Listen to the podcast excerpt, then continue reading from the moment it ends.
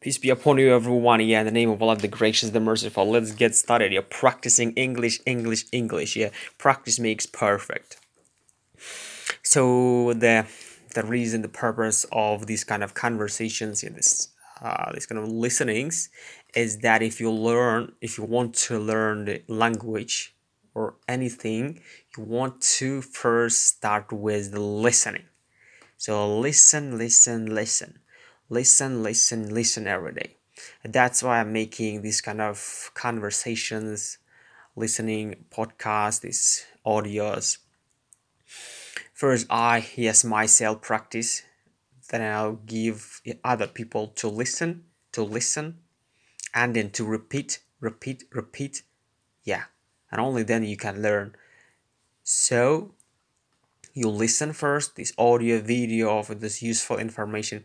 Yeah one thing that i'd like to point out here when you learn language for example uh, try to learn the learn or write or listen this useful information okay? Like advice like tips how to improve your life improve your like daily maybe actions activity plan.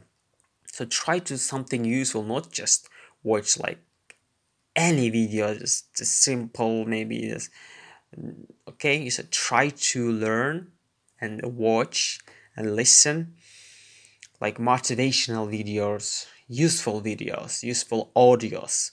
Okay so that's that's why i'm recording this one.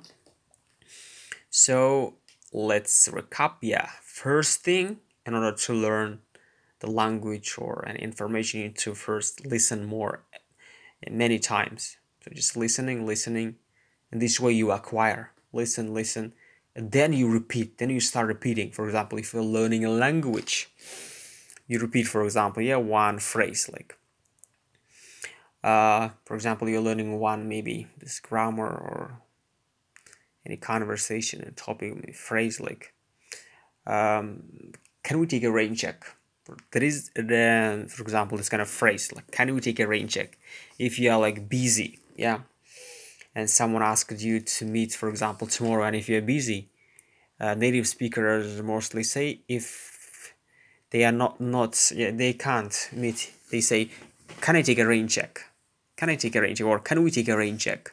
Can we take a rain check?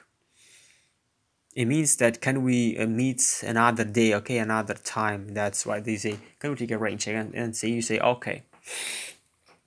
So in this way you can learn language and this new information. So I'm going to repeat. Listen and listen, but useful stuff, okay? Listen this useful information. Motivational videos, I mean these kind of quotes, okay? Yeah, you can also listen my videos, out podcasts, this kind of audios. Okay, so uh, I'm trying to give only this positive information, these advices, tips, and so on. Okay, so listen, listen, and only then you repeat. Then you start repeating. Yes, these phrases, sentences, conversations, and only then you can write and so on. Okay, this kind of short audios. Peace be upon you and have a great day.